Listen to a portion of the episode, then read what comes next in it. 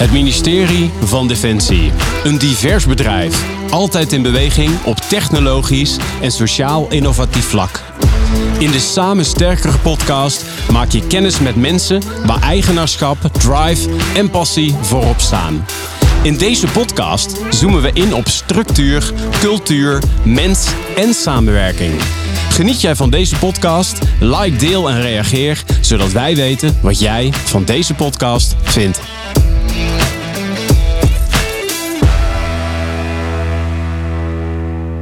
Stefan Masterbroek heeft een indrukwekkende loopbaan opgebouwd bij het Korps Mariniers. Variërend van zijn begin als marinier in humanitaire operaties in Honduras tot het leiden van grote teams als pelotonscommandant.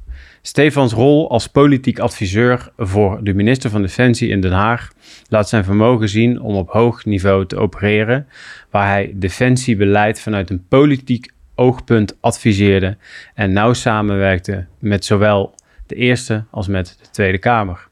Stefans leiderschapsfilosofie draait om leading by example. En hij baseert zijn leiderschap op kernwaarden zoals hulpvaardigheid, integriteit en daadkracht. Momenteel zet hij zich in voor een betere cultuur bij het korps en hiermee dus ook het Just Culture project, waar deze podcast over gaat. Een initiatief gericht op het verbeteren van meer sociale veiligheid binnen Defensie. Hierbij legt hij de nadruk op het belang van een open cultuur waarin feedback en tegenspraak niet alleen worden geaccepteerd, maar ook worden verwacht. Door zijn positie gebruikt hij zijn invloed om de cultuur van het Korps Mariniers te transformeren. Een van zijn visies om de traditionele beeldvorming van de marinier te evalueren naar iemand die zowel fysiek sterk is als intelligent en strategisch. Welkom, Stefan. Dankjewel, uh, Danny. En? Uh, ja, how can I make this about me? Dat was, dat had ik een beetje mijn gevoel. uh, maar ja, volgens mij klopt het feitelijk wel, zeg maar. ja? het zit ook wel een beetje mijn... Um, ik, ik, heb al heel vaak feedback gekregen van je bent te bescheiden. Ja. dus als iemand deze dingen over mij zegt, dan denk ik, oh ja, nou, dat hoeft mij niet per se, maar dankjewel. Waar komt dat vandaan, die bescheidenheid? Ja, ik weet het niet. Uh, je, bent lid van het team. Uh, je bent niet belangrijker dan de rest. Um, dus ja, die bescheidenheid. Ik vind het gewoon een waardevolle eigenschap voor mezelf. Uh, als leider, maar ook als mens. Uh, maar het kan ook beperkend zijn. En daar heb ik ook wel eens feedback van gehad. Soms moet je ook wel zeggen van... Nee, ik vind hier iets van. Ik weet hier iets van. En even uit die bescheidenheidsbubbel stappen. Ja. Uh, maar dan neem ik liever zelf het initiatief toe dat iemand anders allerlei mooie dingen over mij zegt. Maar, uh, Mooi. Ja. In dat geval, iemand anders die mooie dingen over mij zegt. Uh, ik, ik heb een kleine verrassing voor jou van iemand die jij goed kent. Die jij ook vindt dat jij goede dingen doet. Heb je al enig idee om wie het zou kunnen gaan? Nee, ik laat, nee? Me, ik laat me verrassen. Gaat die komen? Stefan is, wat mij betreft, een unieke marinier. Die ik heb uh, leren kennen als uh, adjudant en als politiek adviseur. En dat laatste maakt hem echt uniek, omdat hij daarvoor zijn pak moest uh, uittrekken. Maar het wel natuurlijk in de militaire rang deed als luitenant-kolonel. En hij durfde het maar om dat aan te gaan. Ik heb zeer veel bewondering voor Stefan dat hij dat heeft uh, gedaan. En ik denk dat hij er heel veel van heeft geleerd. Want je leert de andere kant van het werk aan het plein echt goed kennen. Stefans passie is denk ik toch echt opleiden. Dus hij weet veel van leider, leiderschap, van leiding geven. Dus ik denk dat hij heel erg op zijn plek is in zijn nieuwe rol. En dat het ontzettend goed is dat hij probeert na te denken over hoe kan ik dat naar de toekomst anders vormgeven. Wat leuk is, denk ik, is toch dat je in dit vak elkaar 100% moet vertrouwen. Of je nou adjudant of politiek adviseur eh, bent. En je leert elkaar ontzettend goed uh, kennen. En ik uh, ja, kan niet anders zeggen dan, uh, uh, ja, ik heb van je genoten, Stefan. ja, en we zien elkaar nog steeds. maandagavond gaan we weer met elkaar naar, naar de film. Dus nou, tot binnenkort. Ang Bijleveld. Ja. Ang Bijleveld. Ja. ja. Dat is goed gaan. gaan we. we gaan inderdaad maandag naar de film. Welke film ga je naartoe? Van Marco, oh, nou, ik mag van Marco niet zeggen van Marco Kroon, maar uh, vuur. Oké, okay, vuurlinie. Vuurlinie. vuurlinie ja. ja. ik heb het gezien. Ja. ja. Dus dat, uh, dan doen we ook, dan nemen we ook mijn voorganger uh, als politiek adviseur, die gaat ook mee. Dus met z'n drieën gaan we één keer in de zoveel tijd nog even wat drinken of even wat eten in, uh, in, in Den Haag. Uh, we hebben ook een appgroep met z'n drieën van, uh, dat was nog eens een team. Ja. en dat, Echt? En daar hebben we, ja, daar bespreken we nog allerlei dingen. Als we iets voorbij zien komen in de media, politiek Den Haag of zo, dan, ja. dan doen we dat met z'n drieën nog eens even bespreken. Ja. Mooi, mooi. Ank ja. Ja, ja, mooi. Cadeautje voor Mooie jou. woorden, dankjewel. Ja, ja, ja. dankjewel Ank. Ja, nou, mooi. We, ik wil het met jou over een aantal dingen gaan hebben. Uh, het stukje sociale veiligheid versus psychologische veiligheid. Um, het opleiden van mariniers. Hè? Um, ja. Dus het hebben van een target of niet. Uh, kwantiteit versus kwaliteit van de marinier. Ik ben ook heel benieuwd wat jij verstaat onder een sociaal veilige cultuur. Uh, of jij je altijd hebt kunnen uitspreken. Ja. Uh, zulke zaken uh, wil ik het met jou over gaan hebben. Maar laten we het eerst eens beginnen bij leading by example. Ja. Waar komt dat vandaan?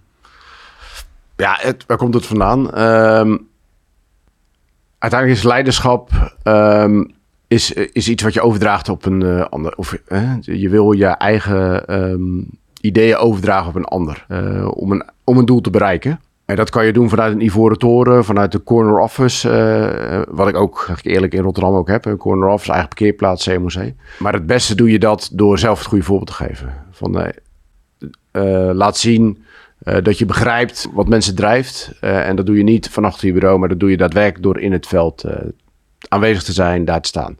Nou, bij de Defensie hebben we dat makkelijk, want we groeien allemaal door de rangen. Dus we hebben allemaal een keer op de werkvloer gestaan als, als leidinggevende ga ik in ieder geval vanuit. Maar het is belangrijk om dat vast te houden. Dus ook al in, in mijn rol nu als commandant, probeer ik regelmatig ook bij, bij de jongens in het veld te zijn, te kijken. Weet je wel, als leidinggever heb je zoveel privileges, maar de kunst is om daar nooit gebruik van te maken. Ja. gewoon ook de dingen doen die je moet doen. met de jongens mee sporten. Met, en natuurlijk heb je soms andere verplichtingen.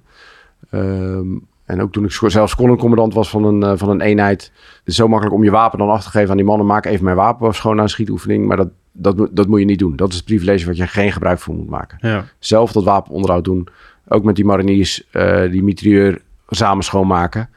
Uh, en het kan een keer zijn dat jij uit het veld komt van die schietoefening. En dat je om vijf minuten later in de vergadering moet zitten. En wat zeggen die mariniers dan? Kom maar, major, geef mij dat wapen maar. Dan maak ik voor je schoon.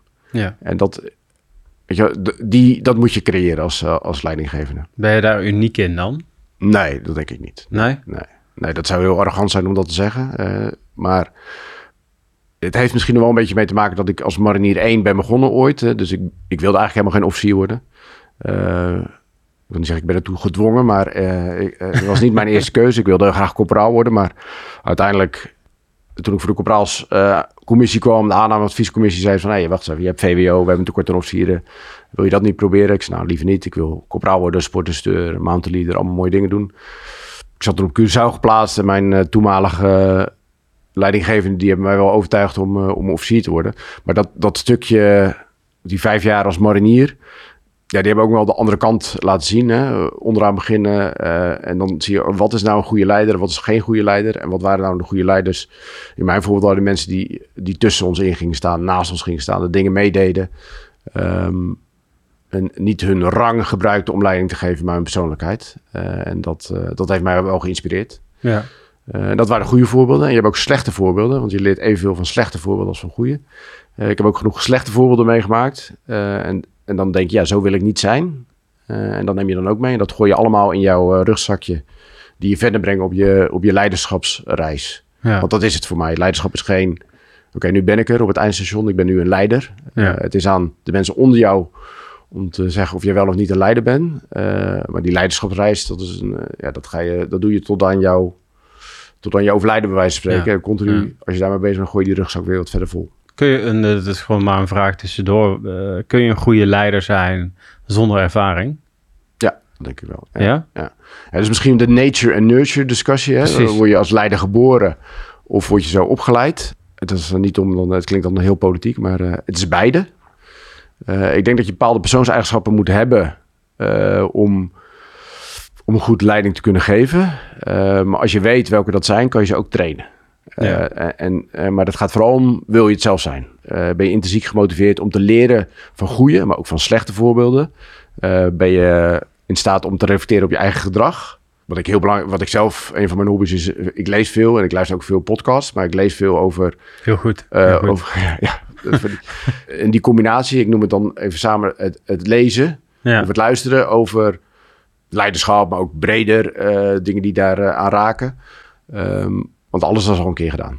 Alle Zijn- Zijn, er voorbeelden van dit moment die je graag leest, luistert, waar je veel van leert? Ik, le- ik lees, eh, we hebben inderdaad de Jocker podcast. eh, Dat is wel een eh, van de die ik vanaf het begin al luister. Eh Jocko Willing, voormalig eh, commandant van een uh, Navy SEAL Task Force. Hij was ook de commandant van de Task Force uh, Bruiser in Irak, waar eh American Sniper, nou de meeste militairen kennen, of mensen kennen die film. Ja, American zeker. En, of het boek, ja. Ja, en het boek eh, Extreme Ownership. Dus dat is wel een voorbeeld. Ik lees, eh, of ik luister ook wel de podcast van de UK Army, de UK Army Leadership podcast, waar ze elke week mensen interviewen, eh, onderofficieren, officieren, eh, met verschillende onderwerpen over, over leiderschap. Vind ik interessant. Ja. Ehm, eh, maar ik luister ook heel veel politieke podcasts. Want ik, ik ben ook wel een beetje een politieke junkie geworden, zeg maar. Dus dat vind ik ook Ja. interessant. Maar er zitten ook heel veel leiderschapselementen net onder de waterlinie, waar je, eh, wat, je dan, eh, wat je dan hoort. ja.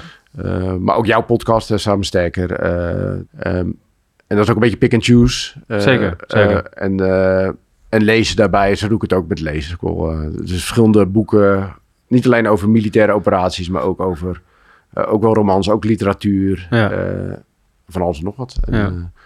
Dat, dat is zo gegroeid. en, Mooi. de, en de ene keer doe je wat meer dan de andere. Maar daar leer je, dus eigenlijk wat ik wil zeggen, alle dingen die je, waar je mee worstelt of waar je over nadenkt, het is allemaal een keer gebeurd. Ja, ja, ja. En, en Ja, ja, ja. je- door- dat lezen, maar ook door daar zelf eh, af en toe, hè, dat doe ik ook niet heel structureel, maar wel opschrijven over wat zijn nou maar precies mijn gedachten, weet je wel, en wat, wat denk ik nou, wat bedoel ik, schrijf ik het op, Eh, en denk, oh ja, dat bedoel ik. Eh, en ehm, daarop te reflecteren. Ehm, ja, zo probeer ik mezelf een beetje te ontwikkelen als, eh, als leider. Ik probeer altijd op zoek naar wat is dan mijn definitie hier van leiderschap. Nou, Als je gaat googlen, dan zie je de 100.000. Eh, voor mij is het zorgen voor mensen eh, en zich inspireren dat ze het beste uit zichzelf halen. Ten einde het doel te bereiken. Mooi. Ehm, en, dat, is al een beetje hoe ik mijn werkdag ook probeer in te... Dus zorgen voor mensen betekent soms gewoon met ze samen sporten. Ja, soms echt hele serieuze personele problemen met ze bespreken, zeg maar. Individuele Ja. problemen. En uiteindelijk nee, ja, draagt het bij waar we mee bezig zijn om eh, kwalitatief goede mariniers van eh, in de juiste hoeveelheid naar Doren te sturen. ja, gaat een keer. ja. Mag, ook, mag ook mislukken. dat kan, dat gebeurt heel vaak. Ik heb ook heel, heel vaak hele stomme ideeën en die mislukken dan. Ehm, eh, maar dat is dan de, de, wat ik doe. En minder zorgen maken over je, over je carrière en meer zorgen voor maken over je mensen. Is dat bij jou, ehm, was dat nature of nurture? Beide is het, ja. Ja? Ja. Ik ben, ehm, ja, ik denk, ik ben daar echt wel in gegroeid. eh, maar waarschijnlijk heb ik wel ergens persoonseigenschappen in mij gehad die, dat, die ik heb kunnen ontwikkelen. Eh, Ja. En als je praat over emotionele intelligentie of compassie of empathie, zeg maar. Ja. Dat heb ik echt wel geleerd van anderen. Wat is dat? Ehm, jezelf, eh, voor mij zit er ook wel een verschil tussen empathie en compassie. Empathie is echt van, oh, wat erg voor je. Ja, Dat was het. En compassie is wat erg voor je, hoe kan ik je helpen? ja, En ik denk als leider heb je echt compassie ook wel nodig, zeg maar. Eh, om, om je werk goed te kunnen doen. Maar dat heb ik echt wel geleerd. ehm, denk ik, nou, mijn uitzending in Afghanistan 2010, eh, dingen die daar zijn voorgevallen. En ik denk, oh ja, dat, dat is iets. Had ik dat op dat moment natuurlijk niet zo scherp. Eh, maar dat krijg ik door slechte voorbeelden van hoe me- mensen met situaties zijn omgegaan. En ik denk vooral eh, mijn huidige verloofde, die daar heel sterk in is. En die daar mij ook wel in aan het coachen is. Echt maar gewoon thuis op de bank. En eh, van, hey, eh, vraag eens even verder. Vraag eens even door. ja, welke woorden moet je dan gebruiken? ja. Ja, daar moet je gewoon voor openstaan. En die hebben ook wel collega's die daar heel goed in zijn. En als je kijkt, oh, dat is ook leading by example. Je kijkt naar die collega, hoe doet hij dat nou? Hoe kan hij nou dat Oh. gesprek aangaan met die andere en hoe kan hij nou die connectie maken? Ah, shit, dat vind ik wel stoer dat je dat zegt, joh. Ja, Dat je zegt gewoon, mijn, eh, mijn partner is daar ook wel een, ehm, die is daar heel goed in. Ja. een voorbeeld Ja, in, ja, weet je? Ja. Want soms eh, heb je ook wel eens mensen die zeggen, ja, ik zie jouw probleem niet echt, zeg maar. Voor die mensen is dat wel een, echt een serieus iets. Wat doe je dan? Ja, ehm, soms vraag ik dat ook gewoon van, hey, leg me, wat raakt jou in deze situatie? Of waar worstel je mee en hoe kan ik jou helpen om wat... eh, dat is denk ik de crux. En vooral veel luisteren. Ja, mooi. ik heb wel binnen, binnen Defensie ook wel de coaching voor leidinggevenden gevolgd en uh, vertrouwenspersonen en zo. En dat luisteren zijn we als militairen niet zo heel goed in. Uh, we horen onszelf ook wel heel graag uh, praten, zeg maar. En ik heb mezelf ook wel moeten af en toe mijn handen zitten. Nou, of mijn mond dicht houden van ik moet echt even luisteren. Gewoon dat je echt een half uur lang naar iemand kan luisteren, alleen maar kan knikken. En, en dat je ook niet luistert naar het geluid, maar ook naar de inhoud. Mooi. en ehm, denk oké, wat, wat, meer begrip. Maar dat is ook iets wat je moet ontwikkelen. Iemand zei ooit tegen mij, uh, de stilte tussen de noten van de muziek maakt de muziek. Want mhm. anders heb je geen muziek, anders heb je één toon. Ja. Dat is de één. En twee is, uh, denken we meer woorden dan dat we kunnen uitspreken. Wat betekent dat we vaak al een antwoord klaar hebben als we naar de ander zitten te luisteren. Nou, het is de kunst om bijna verrast te zijn dat jij aan de beurt bent om te praten. Ja. Uh, en als je daar kan komen, dan hoor je ook veel meer wat diegene eigenlijk probeert te vertellen. Ja. Uh, zonder het al in te aan. Je bent het vaak al aan het invullen in je hoofd. Ja. Uh, omdat wij resultaatgericht zijn. Uh, maar de kunst zit er erin om echt oprecht te luisteren. En te kijken naar wat er gebeurt bij diegene als je een vraag stelt. Ja, en daar zit heel veel kracht. wat ik even interessant vind om te doen is ik heb een documentaire gekeken gisteren. Daar refereerde jij aan uh, door de voorbereiding. Moet me even niet vergissen. Uh, de uitverkorenen. Ja, klopt. Uh, ik was wel een beetje ge, gechoqueerd door wat ik daar zag. En dat was voor jou ook, heb je geschreven, een belangrijke aanleiding om meer aan de slag te gaan met hoe kunnen we de mariniers, het opleidingscentrum, transformeren, de marinier van de toekomst transformeren naar een marinier 2.0, zo noem ik het eventjes. Zou je daar eens wat over kunnen vertellen? Nou ja, 2012 was eh, de documentaire. Eh, toen trad ik net aan. was mijn eerste majoorsfunctie als hoofd van de afdeling uh, initiële opleiding bij het Mariniersopleidingscentrum. Waar de, de, de mariniersopleiding, de initiële mariniersopleiding, de EVO, onder, uh, onder valt. Uh, toen waren ze al bezig met deze documentaire. En het is geen, om even de disclaimer, het is geen documentaire over de mariniersopleiding. Uh, dat klinkt toch gek. Het is niet van de mariniersopleiding begint op dag 1 en het eindigt zo, zeg maar. Uh, Gert-Jan als documentairemaker heeft echt gezocht naar het breekpunt van mensen in zo'n opleiding. en daar heeft hij een paar mensen heeft hij daar uitgekozen. want je ziet in die, in die documentaire ook weinig geluksmomenten, zeg maar, die er echt wel zijn avonden gezellig samen. Maar ook bijvoorbeeld het einde van de opleiding dat je je beret krijgt en een beëdiging en et cetera. Dus natuurlijk, uh, iedereen militair herkent dat. Er zijn hele mooie momenten in zo'n opleiding. Maar goed, ik, ik, uh, wij hebben die film toen, uh, de première was in Tuschinski in Amsterdam. Ehm, en, en, toen ik die film zag, ja, toen was ik ook best wel een beetje, hm, oké. en toen heb, ging ik daar voor mezelf over nadenken. Je kan die, die documentaire op drie manieren zien. Als, als marinier, nou, dat zeg je zelf ook van, ik herken wel dingen. Dat heb ik zelf ook zo ervaren. Uh, fysiek zwaar. er wordt uh, tegen je uh, gescholden soms wel. er worden met spullen gegooid en inspectie en dat soort dingen. Um, je kan naar die film kijken als, als mens. Van nee, mooie documentaire. Mooi in beeld gebracht. want hij maakt hele mooie documentaires, vind ik, Gert-Jan. maar ik kijk ook door de bril als hoofd van de afdeling die verantwoordelijk was voor deze opleiding. En uh, wat hebben we toen gedaan? Is eigenlijk al, deze film als een soort spiegel gebruikt voor in kader voorbereidingsperiode, voor instructeurs, voor opleiders. Van hé, uh, hoe denken jullie hierover? Uh, wat zien we? Een voorbeeld daarvan is bijvoorbeeld in een scène wordt er gegooid met een thermosfles. Zeg maar die dan waarschijnlijk, hè, dat is niet zo goed om een thermosfles te gooien, want dan gaan ze kapot. Is dat het voorbeeld wat je wil geven? van je moet voorzichtig met je uitrusting omgaan. Tijdens een ochtendinspectie moet het allemaal schoon zijn. Maar als het niet schoon is, ga ik het kapot maken. Dat is gek. Weet je wel, maar dat is wel hoe, hoe ik dat zelf ook, en misschien jij in je opleiding ook wel ervaart, dat gebeurt dan. Ja, en aan de hand daarvan hebben we met z'n allen gezeten. En niet dat ik dan een soort directief af, we gaan dit niet meer doen. Maar gewoon, en wat vinden we nou normaal, wat vinden we niet normaal? Uh, en uh, als hoofd van deze afdeling opgeschreven wat onze gedragsregels zijn ten opzichte van elkaar, maar ook richting uh, de cursisten. En niet schelden met, met allerlei enge ziektes of weet je wel, eigenlijk hele normale dingen. Ja. Ehm, sancties, zeg maar, altijd met z'n tweeën. Eh, en ik wilde zeggen dat je geen sancties mag geven. Want het ook bij de, eh, met z'n allen dat eh, samenstellen, ook met de instructeurs. Dus niet van mij als commandant met, met, met, met, de, met mijn adjudant naast mij uh, zeggen van zo gaan we doen. Maar luister, wat, speelt er? Nou, toen hadden we dat pakket en toen waren er wat instructeurs of onderofficieren die zeiden van ja, ik ben het niet eens met dit beleid. Nou, hoezo niet? Daar moet je ook over praten. Maar op een gegeven moment moet je zeggen van oké, maar dan pas jij niet meer bij het team wat ik wil. Uh, dus daar hebben we ook al van een paar mensen afscheid genomen.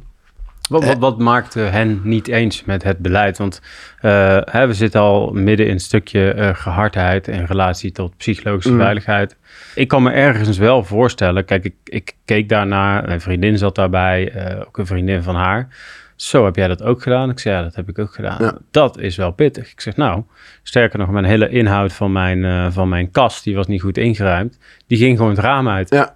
En eh, de rest van de club die lag in de voorlichtsteun. Terwijl ik die spullen op aan het halen was. Is dat dan een manier om je te harden, zeiden ze? Om je...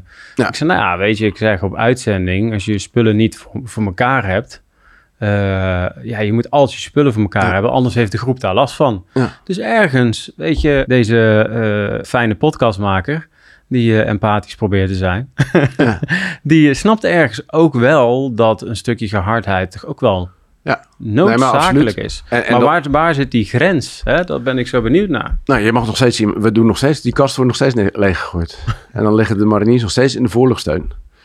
Uh, het verschil zit erin dat wordt uitgelegd waarom dat dan is. En precies hoe jij het net uitlegt. Je moet gewoon, uh, we, als militairen moeten we blindelings op elkaar kunnen vertrouwen. De man links, man of vrouw links of rechts van jou of achter jou, uh, die moet je kunnen vertrouwen. Een van de dingen is dat, zij, dat die al zijn spulletjes bezig heeft, rugzak goed heb ingepakt, op tijd is, veilig met een wapen kunnen omgaan. En in, in de opleiding in het begin, vooral in het begin, doe je dat. Maakt één iemand fout, dan wordt de hele groep daarvoor gestraft. Uh, want het is geen. De mariniersopleiding is geen individuele opleiding. Aan het eind krijg je als individu een beloning. Je wordt marinier. Of uh, commando, of luchtmobiel, of matroos, of hoe, welke ja, opleiding je ook volgt. Ja, maar je, ja. kan het, je kan het niet alleen doen. Het is geen e-learning. Ook al maken we heel veel gebruik van e-learning. Maar het is niet e-learning van, die je thuis op je studeerkamer doet. Je moet het met de groep doen. Ja. Um, dus je bent afhankelijk van de groep. Je moet vertrouwen in de groep. De groep moet vertrouwen bij jou. Um, dus die, dat zit er echt nog steeds in. Dat je gecorrigeerd wordt als groep. Omdat een individu een fout maakt. Ja. En op een gegeven moment moet je, uh, zie je, er ontstaat groepscohesie, groepsdynamiek. Uh, maar voor mij is het een grens, is het moet altijd rechtvaardig zijn. En als instructeur moet je altijd kunnen uitleggen als opleider waarom je bepaalde sancties toepast. Ja. En als een keer iets fout gaat, verantwoordelijkheid nemen uh, van nee, dat was misschien niet de juiste sanctie. en daar eerlijk en open over zijn. Ja. En dan moet ik zeggen, in de, en dat, ga, dat wil ik ook wel gezegd hebben in deze podcast. Toen ik die, die, die, die uh, documentaire zag, heb ik daarna ook wel wat dingen gedaan als leidinggevende waar ik nu geen, niet heel trots over ben. Omdat ik ook dacht van oké, okay, je moeten, we moeten mensen, die moeten daarop aangesproken worden. Uh, ze doen gekke dingen. Ik was toen ook nog niet, ik was net major. Ik voelde me ook nog niet zo heel veel vertrouwen in mijn einde. Oké, okay, de beste manier is om directief nu te zeggen, dit mag niet meer. Waar kwam dat vandaan? Ja, waar kwam dat vandaan? Omdat ik dat is ook wel een beetje onze cultuur. Hè? Van als ze boven iets vinden van functie, ja, dan moet jij daar een maatregel op nemen. Ja. Terwijl ik nu veel meer ben van nee, als ze van boven iets vinden over, dan ben ik ten eerste een hitteschild. Ik moet het uitleggen aan boven waar bepaalde dingen doen. Uh, en, en, dan mijn eigen personeel uh, als een hitteschild, als een paraplu daartegen beschermen. Ja. Als uh, je eigen personeel jou ook open en eerlijk de waarheid vertelt. want als, ja, de, want dat, dat, dat is een wisselwerking. Toen was je daar nog niet? Nee, toen was ik daar nog niet. Dat leer je door ervaring. Uh, en uh, dat was voor mij een van die ervaringen. Ja. Um, wat ik nu ook probeer weer andere mensen mee te geven. En mezelf ook nog steeds. Oh ja, er zijn altijd meerdere kanten van het verhaal. Klopt dit wel? Um, ja, dus dat was echt wel een, een leerervaring als leidinggevende ja. van... Uh, doelen behalen is, is mooi, hè? Zoveel mogelijk mariniers van de juiste kwaliteit. Ja. Uh, maar niet ten koste van alles. Nee. Uh, het is een balans en dat maakt het werk van een uh, opleider mega complex en ingewikkeld. Ja. er mag bij Defensie ook wel wat meer waardering voor komen, vind ik zelf, in, in, in de breedte. Ja, als je op uitzending gaat en operationeel werk, dat is vaak het, het summum, zeg maar. Ja. Maar uiteindelijk die mensen die op uitzending gaan, die zijn nooit een keer opgeleid en gevormd. op hele goede wijze in de verschillende opleidingscentra van de krijgsmacht. En dat doen opleiders. En dat is, het is nog niet gelijkwaardig, zeg maar, uh, Ja, met, een, ja, met een operationele functie. Dus, uh, Je hebt veel geleerd in de afgelopen jaren. Hè? Je hebt ook een tour gedaan naar Den Haag. Daar wil ik het zo Mm. ook nog met je over hebben. Um, maar we hadden het er uh, voor dat we starten met de podcast over, over de relatie tussen sociale veiligheid Ja. En psychologische veiligheid. En dat wil ik eigenlijk koppelen, uh, en ik ben benieuwd wat je daarvan vindt. In deze documentaire wordt er op een gegeven moment wel echt de pik op één persoon Ja. ehm, eh, gelegd, zeg ik dat zo goed? De, in ieder geval, er was de pik op één Hij, hij is in ieder geval, hij wordt... eh, Hij wordt aardig aangepakt, Ja, eh, waardoor de groep, groepsdruk, Ja. zich ook richt tot deze jongen. En deze jongen uiteindelijk, ehm, wellicht met een andere aanpak had hij een goede marinier kunnen worden, eh, is hij er uitgestapt. Ja. Ehm, dat was voor mij kenmerkend voor jezelf niet sociaal veilig, Ja. inclusief, et cetera, voelen. Ja. Eh, zou je daar eens wat over kunnen vertellen? Ja, ehm, kijk, waar ik- voor mij is, eh, wat ik al zei, sociale veiligheid, psychologische veiligheid, twee dingen. Ik denk dat over psychologische veiligheid zo meteen nog even eh, Ja, over moeten praten. Maar als je praat over sociale veiligheid, dan probeer ik ook wel in de opleiding, ik zie ook dat dat gebeurt, dat, het- dat mensen daar aware van zijn, zeg maar. Eh, fysieke veiligheid eh, staat ook altijd voor. hè. Veilig met wapens, allerlei dingen. Eh, het is natuurlijk ook een, qua fysieke veiligheid een, een ingewikkelde opleiding, maar daar hebben we allerlei, daar zijn we continu mee bezig over nadenken. Maar die, die sociale veiligheid, eh, het zijn allemaal jonge mannen. heel af en toe komt, hebben we ook nog wel eens een vrouw in de opleiding. Helaas nog geen vrouwen door de opleiding gekomen. Eh, heel veel jonge mannen, nou, heel veel testosteron die op elkaar eh, reageren. Heel veel druk. En, en wat je dan soms ziet is dat eh, als je twintig jongens is, er is altijd één iemand eh, de minst presterende. En wat je als, als opleider moet voorkomen, is dat je al die aandacht op die minst presterende gaat richten. Om, eh, met sancties. Eh, je moet het eigenlijk proberen om die mee te krijgen met de middengroep. In een groep van 20 of 30 mariniers is altijd een derde gaat het sowieso de opleiding halen. Dan heb je een middengroep. Weet je, of ze gaan het wel of niet halen. Die moet heel veel gekozen en begeleid worden. Ja, ja, ja. En dan heb je een groep die eigenlijk of net niet door de keuring, zijn nog niet aan toe, vaak te jong, eh, fysiek misschien nog niet sterk genoeg.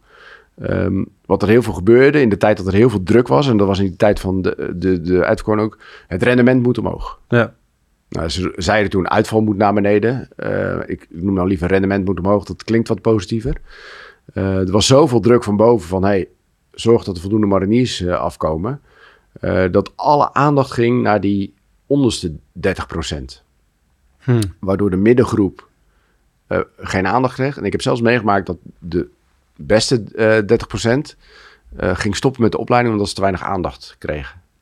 Ja. Daar kwam het in, in het kort op neer.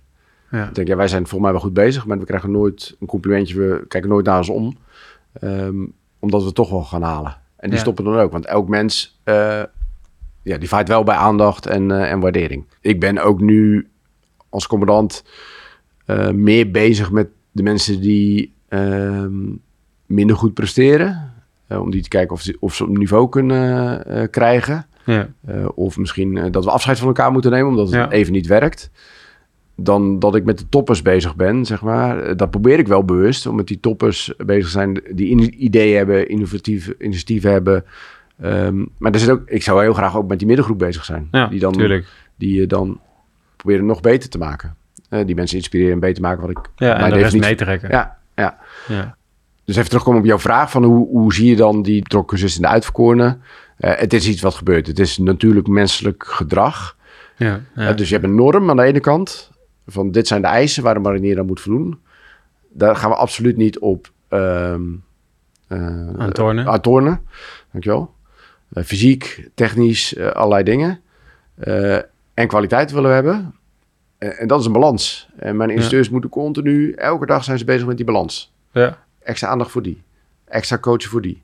Eh, Moeilijke taak, man. Hele moeilijke taak, ja. Dat is echt Eh, een moeilijke ja, taak. Want dan moet je wel een bepaalde, ja, je moet wel een bepaald gevoel hebben voor ehm, integriteit, Ja. eh, belastbaarheid, empathie, Ja. inlevingsvermogen noem ik Ja. het maar even. Je moet vooruit kunnen kijken. Je moet kunnen kijken van, als we dit doen, dan zou het resultaat kunnen zijn dat die persoon de dagen daarna dit gedrag vertoont. Ja, Dus het, eh, je moet bijna een halve psycholoog Ja, zijn precies, als, eh, ja. als instructeur, realiseer ik me ineens. Ja. Om dat in goede banen te laten. Ja, ja. Dat is hartstikke knap. Nou, ik denk dat dat voor heel veel mensen die voor een klas staan, hè, de- de- ook, ook eh, docenten op middelbare scholen zo, je bent bezig met vorming van jonge mensen. Ja. Eh, en dat zijn mijn instructeurs ook aan het doen. Ze zijn natuurlijk gewoon burgerspijkerbroek, komen ze binnen of vanuit de VEVA. Ja. En dan moeten ze, moeten ze in één keer binnen 30 weken moeten daar mariniers van gemaakt worden. ja, precies. Ja. Ik vind het heel mooi om te zien hoe. Hè, we, we- ik kan dan op werkbezoek proberen elke week wel even bij een bezoekje te gaan. Ik heb nog veel meer opleidingen, want we hebben het nu alleen over de initiële opleiding. We hebben Ja. veel meer opleidingen binnen het Mariniersopleidingscentrum. Maar het initiële gedeelte, die transformatie die je ziet van jongens die op een kennismakersdag eh, komen, die dan in week 1 van de EMV, de elementaire militaire vorming, eh, dat is echt gericht op vorming, groepsvorming, leren hoe je met jezelf moet omgaan en met je spulletjes. Ja. Eh, en dan kijk je twintig weken later, nou, totaal getransformeerd zijn die mannen van. En dan lopen ze, een paar weken geleden was ik op Texel, dan lopen ze met zo'n rubberboot. eh, eh, en eh, wat ze in de film hebben gezien, zoals de Navy Seals doen op het strand. En op- opdrukken en sitters maken in de branding. Totaal geen groep. Een beetje schelden op elkaar en ruzie zoeken met elkaar onderling. Van ja, je moet dit doen, ja doen. Fysiek sterker, minder sterker. Ja. En dan, dan zie je zo'n groep 10, 20 weken later. Dan zijn het gewoon warriors. Ja. Die, zijn, die gaan op patrouille in het veld, alles erop en aan. Werken samen als een team. ja, gaaf. En, en dat doen die opleiders. Ja. Eh, die dra- eh, als je praat over leading by example, die dragen hun eigen mariniers zijn over op die, op die jongere generatie. Ja. Hun persoonlijkheid, eh, hoe je moet samenwerken. Mooi. Daar zijn ze soms heel streng in. En daarnaast leren ze ook nog hoe ze een wapen moeten bedienen. Ja. Ja. Maar dat is het meest eenvoudige. Ehm, ook in de serie inderdaad, hè, en dat refereert hieraan. En dan ehm, een stukje psychologische veiligheid. Ehm, daar werd letterlijk op een gegeven moment gezegd... en ik vraag me af of dat ook met de tijdsgeest te maken had. Want het Mm. was 2012, 2013, hè, die eh, eh, docu. 2012, Ehm, ja. ja. We praten hier ook over eh, een vrij intense periode Afghanistan... wat allemaal Ja. in opkomst was. Ja. Dus ik kan me voorstellen dat het ook tussen de oren zat van de instructeurs. Ja, ja, Ehm, Afghanistan was natuurlijk nu net toen een beetje... Oersgan was toen klaar. Ja. maar heel veel die instructeurs die daar rond, die waren daar natuurlijk geweest. Precies. Ja, ja. En op een gegeven moment werd er letterlijk gezegd... eh, liever eh 20 6 en halfjes dan eh 10 negens. Mhm. Inderdaad, die, die instructeurs die, die hadden ervaring vanuit Oeruzgan, eh waar ze in situaties terecht zijn gekomen waar de kwaliteit van de marine heel belangrijk was. Een situatie Mhm. van leven en dood. En daarom is dat nu ook, eh, ik ben daar, daar ook geweest en ik vast ook, die, die, die balans tussen kwaliteit en kwantiteit. Want we kunnen niet alleen maar tien hebben, dat is onmogelijk. Eh, maar er is wel een norm. En die norm, en noem het even een vijf en een half, zeg maar. eh, en dan, dan ga je over. Eh, dat is wel de norm. Want bij de operationele eenheden verwachten mijn collega-commandanten dat ik ze goede mariniers aflever waar hun operaties mee kunnen gaan uitvoeren. Maar als ze een eenheid hebben waar 100 mariniers in moeten en ik lever er maar 20, zijn ze ook niet operationeel gereed. En dat is de hele tijd die balans. En ik weet Ah, zeker dat, dat, Heel de, op- dat de opleiding nu, die mariniers die we nu naar Doren sturen, die zijn veel beter opgeleid dan in mijn tijd. Maar, Maar het zeg is je wel dan zwaarder of complexer? Complexer, maar dat maakt het ook zwaarder. Oké. Oké, want de mariniersopleiding, ik denk altijd fysiek is het zwaar, maar die jongens zijn zo, dat zijn gewoon machines. Als je ziet bij een kennismakersdagen zijn al afgetraind, die weten, tegenwoordig heb je zoveel eh, informatie via internet om jezelf goed op te werken, dus die zijn al fysiek heel sterk. Ja. Eh, de mariniersopleiding is zwaar, eh, wat er allemaal onder fysieke inspanning, onzekerheid, complexe dingen doen, dat maakt de opleiding zwaar. De meeste mensen vallen ook uit of die stoppen met de opleiding zelf, omdat ze het allemaal niet mentaal niet eh, bij elkaar Omdat te kunnen brengen. veel is. Te veel is, ja. Ja. ja.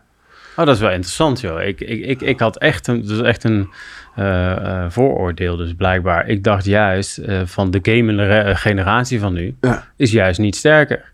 Dus ik dacht, de mariniers die nu afgeleverd worden, zijn minder sterk dan de mariniers van 20 of 30 jaar geleden. Ja, nou ja, ze zijn, ik, ik durf wel te zeggen, en ik kan alleen maar voor mezelf spreken. Toen ik bij de mariniers kwam in 1996, had ik, ik zou zeggen, misschien eh, twee kilometer hard gelopen in mijn leven. Oké, Het was het rondje wat vanuit de middelbare school dat we dan eh, rond het sport... Ik was een zwemmer, een voetballer. ja. Maar echt wel handig bij de mariniers, ja, ja, maar, zwemmer. echt, maar, maar echt hardlopen, Ja. eh, dat had ik nooit gedaan. Opdrukken of dat soort- En nu, en dat deed je gewoon in de opleiding. En dan eh groeide je erin. En aan het eind was je dan... Ja, en nu, dus ik ben helemaal niet zo van vroeger was alles beter. Absoluut niet. nee. Ehm, en nu is een hele goede fysieke test, wordt allemaal gemeten. Je kan via allerlei eh, clubjes kan jij jezelf voorbereiden op werken bij, eh, om te Ja, werken bij Defensie. Ja. En in de opleiding zit een slimmere opbouw. Maar dat, ja, dus het fysieke gedeelte, dat zit wel goed. En natuurlijk vallen er ook mensen uit die het fysiek, maar dat is vaak blessures. Ehm, pech, hè, stap in een konijnhol, eh vrek je enkelbanden. ja. Proberen daar ook van alles aan te doen. Ehm, maar het is vooral het mentale. En dat is vooral, Oké, dit had ik niet verwacht. Dit is niet mijn beroepsbeeld. ja. En dat is ook best lastig, want wat je in de opleiding bij de operationele ene gaat het ook weer anders. Maar toch ben je gestart met eh, de transformatie Ja. van de marinier. Nou, mijn voorgangers zijn daar ook al mee gestart. hè? Dus met, met, Eh, Welke kernelementen zijn daar, eh, zou je daar eh, kunnen benoemen? Ja, we zijn, het Corps Mariniers gaat naar een nieuwe organisatie toe. We noemen dat nu het Force Design. De, binnen een heel groot programma binnen de marine, de Masters of the Littorals. Nou ja, we gaan weer terug naar onze amfibische roots. We opereren op de grens van land en water. We worden geen SOF-eenheden, maar wel SOC, de Special Operations Capable. betekent kleinere teams die voor langere tijd zelfstandig op pad kunnen. met een laag signatuur, dus niet met radio's de hele tijd dingen uitzenden, maar gewoon mooi woord of een mooie term voor de digital caveman. Dus we zijn, we gaan werken met drones, we gaan werken met awareness over cyber enzovoort. Uh, maar ook nog steeds kunnen schakelen met uh, veel doen met heel weinig. Mm dat is het beeld van de marinier van de, van de toekomst. En mijn vraag daarbij is van hoe, wat voor soort marinier hebben we daarvoor nodig? en sommige van mijn collega's zeggen een andere marinier. Ik zeg dezelfde marinier die we nu binnenkrijgen, moet alleen andere vaardigheden aanleren. Of we moeten vaardigheden die we nu onvoldoende gebruiken, moeten we weer versterken. En, en dat raakt ook met, met Just Culture, denk ik. Met, uh, dat we, stel je voor dat we zo'n team uh, van twaalf man onder leiding van de luitenant, die voorwaarts gaan, zeven dagen alleen op pad. Geen communicatie met het hogere dek. Die moet een missie uitvoeren. Wat er nu gebeurt, ik stuur een peloton op pad, hè, stel ik een, en die, die zegt, oké, we zijn nu bij dit uh, pand, toestemming om dat pand binnen te vallen.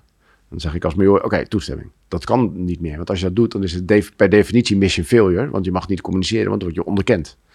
Ja. Uh, dus het betekent uh, zo, zeven dagen op pad met twaalf man uh, en je kan alleen met elkaar communiceren. Als dan alleen die luitenant de beslissingen neemt en niet gebruik maakt van zijn groep, en die corporaal of die jonge marinier zegt, nou misschien moeten we het even over hebben. Ja. Welke keuze gaan we maken? Gaan we links, gaan we rechts? Ja. Als je niet onder vuur ligt, hè, maar gewoon in de patrouille ergens naartoe dan heb je ook mission failure. Dan moet je psychologische veiligheid ja, hebben. goed, je was me net voor. En, en, en, dan moet je ook een divers team hebben, ja. hè, met heel veel meningen. Uh, en ook een luitenant die dan, of een teamleader die zegt van, oké, okay, ik heb jullie allemaal gehoord. Ik heb nu de daadkracht om die beslissing te nemen, we gaan links, we gaan rechts. Zonder dat hij bang is dat zijn major, als uh, die na zeven dagen terugkomt van die operatie aan boord van het schip, hey, wat heb jij nou gedaan? Dat was niet de bedoeling. Ja. Veel vertrouwen, verantwoordelijkheid op dat lagere level.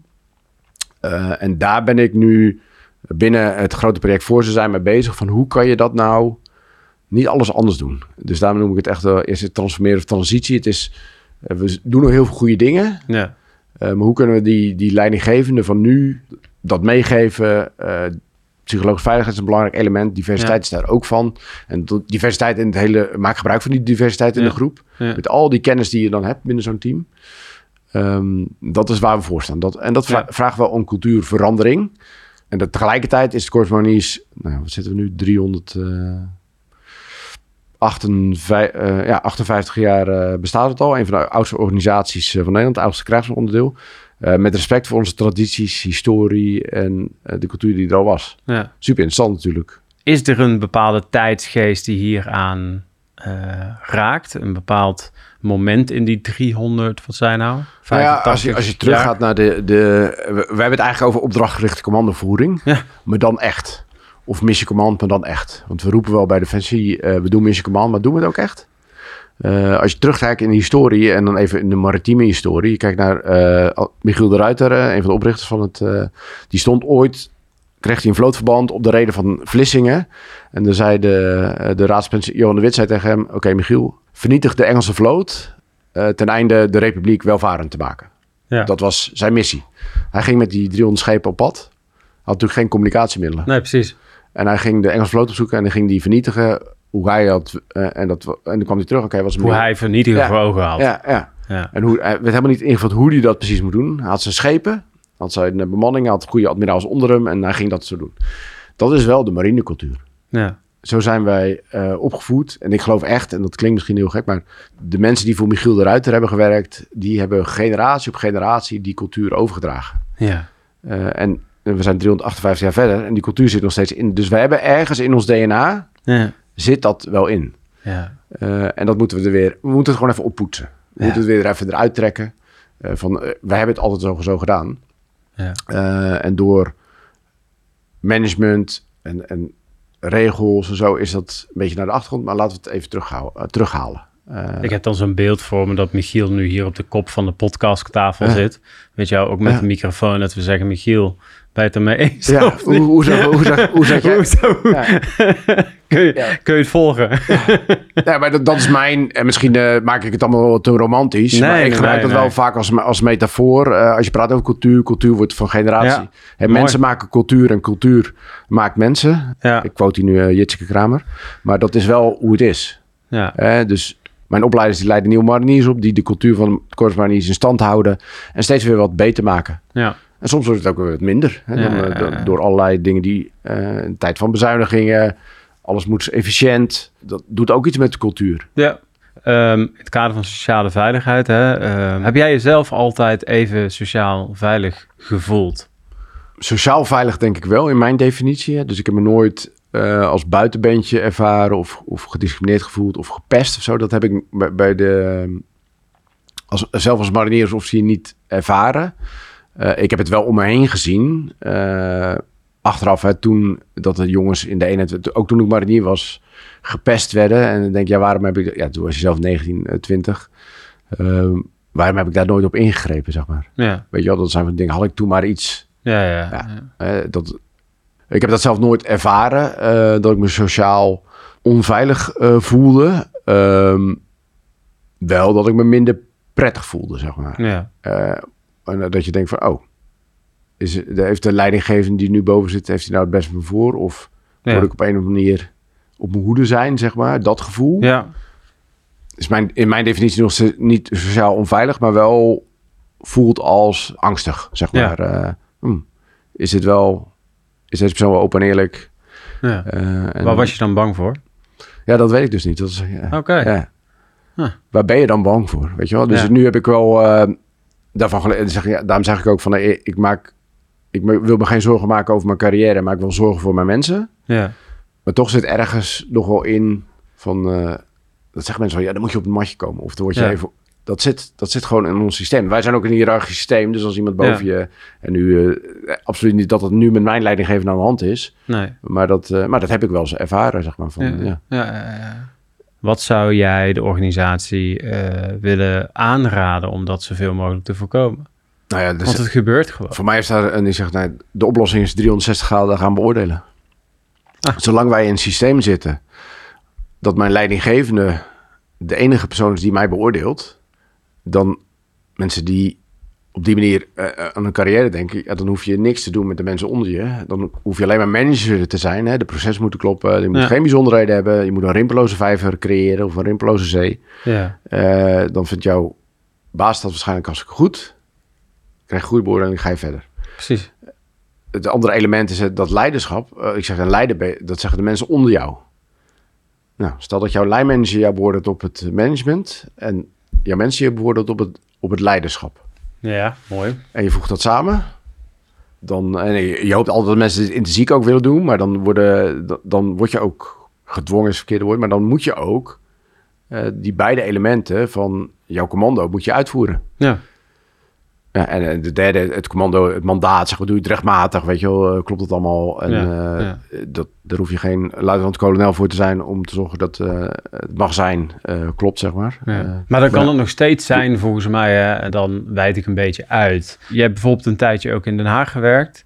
Eh, toen heb je letterlijk, eh we hadden net natuurlijk Ank Bijleveld Ja. hier. eh, je vertelde dat je letterlijk ehm, je pak een tijd uitgedaan hebt en eh, een paar nette pakken gekocht Ja. hebt. En eh, ineens stond je daar in Den Haag. Ja. Hoe heb je dat ervaren? Want dat is natuurlijk een omgeving waar pas vanaf een bepaald rangsniveau hele moeilijke politieke beslissingen genomen worden. Nou, Ja. hoge bomen vangen veel wind.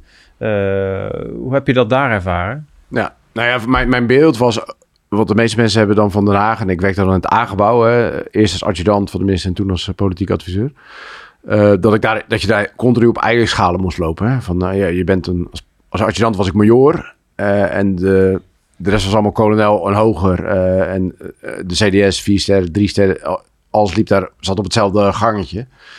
Maar toen bleek wel heel snel, dit is ook gewoon een werkplek. En, en er hangt ook wel gewoon een kazerne-achtige sfeer. Er wordt ook gelachen, het is ook gezellig.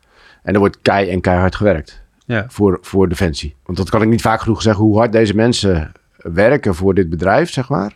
dat, ja, dat is echt ongelooflijk. Hoeveel energie ze hebben. Dat is een ander soort energie dan een marathon kunnen lopen. De bedrijfsatleet, zeg ik wel eens. Ja, uh, Ja. het is mooi, mooi woord, bedrijfsatleet. Maar die, die uren die ze maken en hoe scherp ze moeten zijn. Eh daar dacht ik dat ik als fitte marinier dat ook allemaal wel kon. Maar dat is nog een ander soort fitheid. Een ander soort energie die je daar moet hebben om continu aan te staan. Maar dat, dat was mijn, mijn beeld. En dan bleek het ook gewoon normale mensen te zijn allemaal. Eh, maar die in een ander speelveld aan het eh, opereren zijn. Ehm, met vaak een redelijk goed beeld van hoe Defensie eh, in de war steekt. En mijn taak was dan ook, was in ieder geval als adjudant, maar ook PA, maar ook de, de krijgsmachtadjudant is daar een belangrijk voorbeeld van. Andere, om, om ook de juiste informatie van de werkvloer daar te krijgen. En dat beeld is echt wel aanwezig door veel werkbezoeken. En eh, het is ook een realiteit. Het is een andere realiteit dan de, de, de werkplaats in Oorschot, eh, of het vliegveld in Leeuwarden of, eh, of een schip in Den Helder. Ja. Maar het is ook een realiteit. En die twee realiteiten samenbrengen, dat was als adjudant, is mijn, mijn, mijn werk van eh, dingen kunnen vertalen, twee kanten op. En die interesse, zeg maar, eh, met de bewindspersonen waar ik voor heb gewerkt, die, die was er echt in, de, in die. Die waren echt betrokken, die waren echt geïnteresseerd. En die waren ondertussen bezig om te zorgen dat wij gewoon geld op de rekening kregen als Defensie. Dat er geld bij komt, dat we uit die eindeloze reeks van bezuinigingen waren. Ja, en als je dat ziet, en eh, je, kan het waarderen. En ik heb natuurlijk het privilege gehad om daar heel dichtbij, heel dicht op te zitten. Gewoon, of ja, ik zat er middenin. Ehm, ja, dan zie je dat dat, eh, dat dat zo is. Maar de druk die daar op stond, zeg maar, vanuit... Politiek is ook politiek. Het gaat ook over verkiezingen. Het gaat ook over de volgende verkiezingen. Als je een partij moet groot worden om weer dingen te realiseren. Eh, Defensie heeft belangen. Eh, dus wat ik vooral geleerd heb, dat ja, de dialoog moet continu aanwezig zijn. En je hoort nu wel eens, ja, er moet een minister of een oud-militair moet minister van Defensie zijn. Nou, alsjeblieft niet. Dat, daar zou ik echt niet voor zijn. Hè, want een polit- politicus zijn, bestuurder zijn, is ook een vak. ja. Eh, eh, militair zijn is ook een vak. Hè. Wij zijn, Heeft het dan met de objectiviteit, eh, objectiviteit te maken? Ja, er zijn allemaal... Tegenwoordiger van het volk, eh et cetera. Ook, maar het is gewoon een vak politi- eh, zijn. Eh, Ja. je kan, en sommige mensen zijn er ook getalenteerd en die kunnen zo invliegen. Maar wij hebben een CDS als ad- militair adviseur voor de regering. Ja. Waarom moet je dan nog een, iemand daarboven hebben die, de, die ook verstand heeft van militair? Dat, Ja, is, dat zou de, de CDS disqualificeren wat mij betreft. Dus ik vind ook dat dat een goede balans is. En uiteindelijk zijn wij een instrument van de politiek. Ja.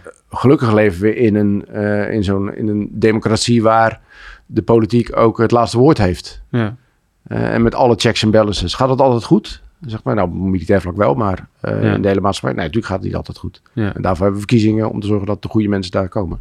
Dus als ik goed begrijp, eigenlijk in eerste instantie had je wel een beetje het gevoel dat je op eigen moest lopen. Maar toen kwam je er langzamerhand achter van, hey, het zijn ook mensen die gewoon keihard werken. ja. Die vanuit hun perspectief hun werk doen. Ja, Ehm, eh, en dat ook goed doen. heel goed. Eh. En heel goed doen zelfs. Eh, en dat, dat je er eigenlijk achter gekomen bent dat het niet heel veel anders is dan wat je gewend was. Nee. Alleen vanuit een heel ander Ja. kader, Ja. vanuit een andere perceptie. Een andere context. Zeg maar. nou, de, militair-strategische context, politieke context. die, dus dat is ook mijn...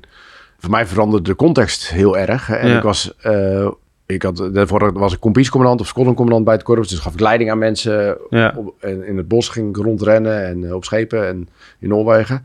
En nu zat ik in één keer daar. Ja. Eh, daar werd ook leiding gegeven. Ja. Eh, sterker nog, ehm, ik werkte daar voor het eerst. Dat was ook een wennen voor mij. Ik, was ik kom uit een hele ehm, masculine omgeving, mariniers. Mhm. Bijna alleen met mannen gewerkt. Ik ging, kwam in één keer werken in een gebouw waar eh, andere krijgsmachtdelen werk- werkten samen. Dat had ik toen op uitzending wel gedaan, maar eh, andere rangen, burgers, Ja.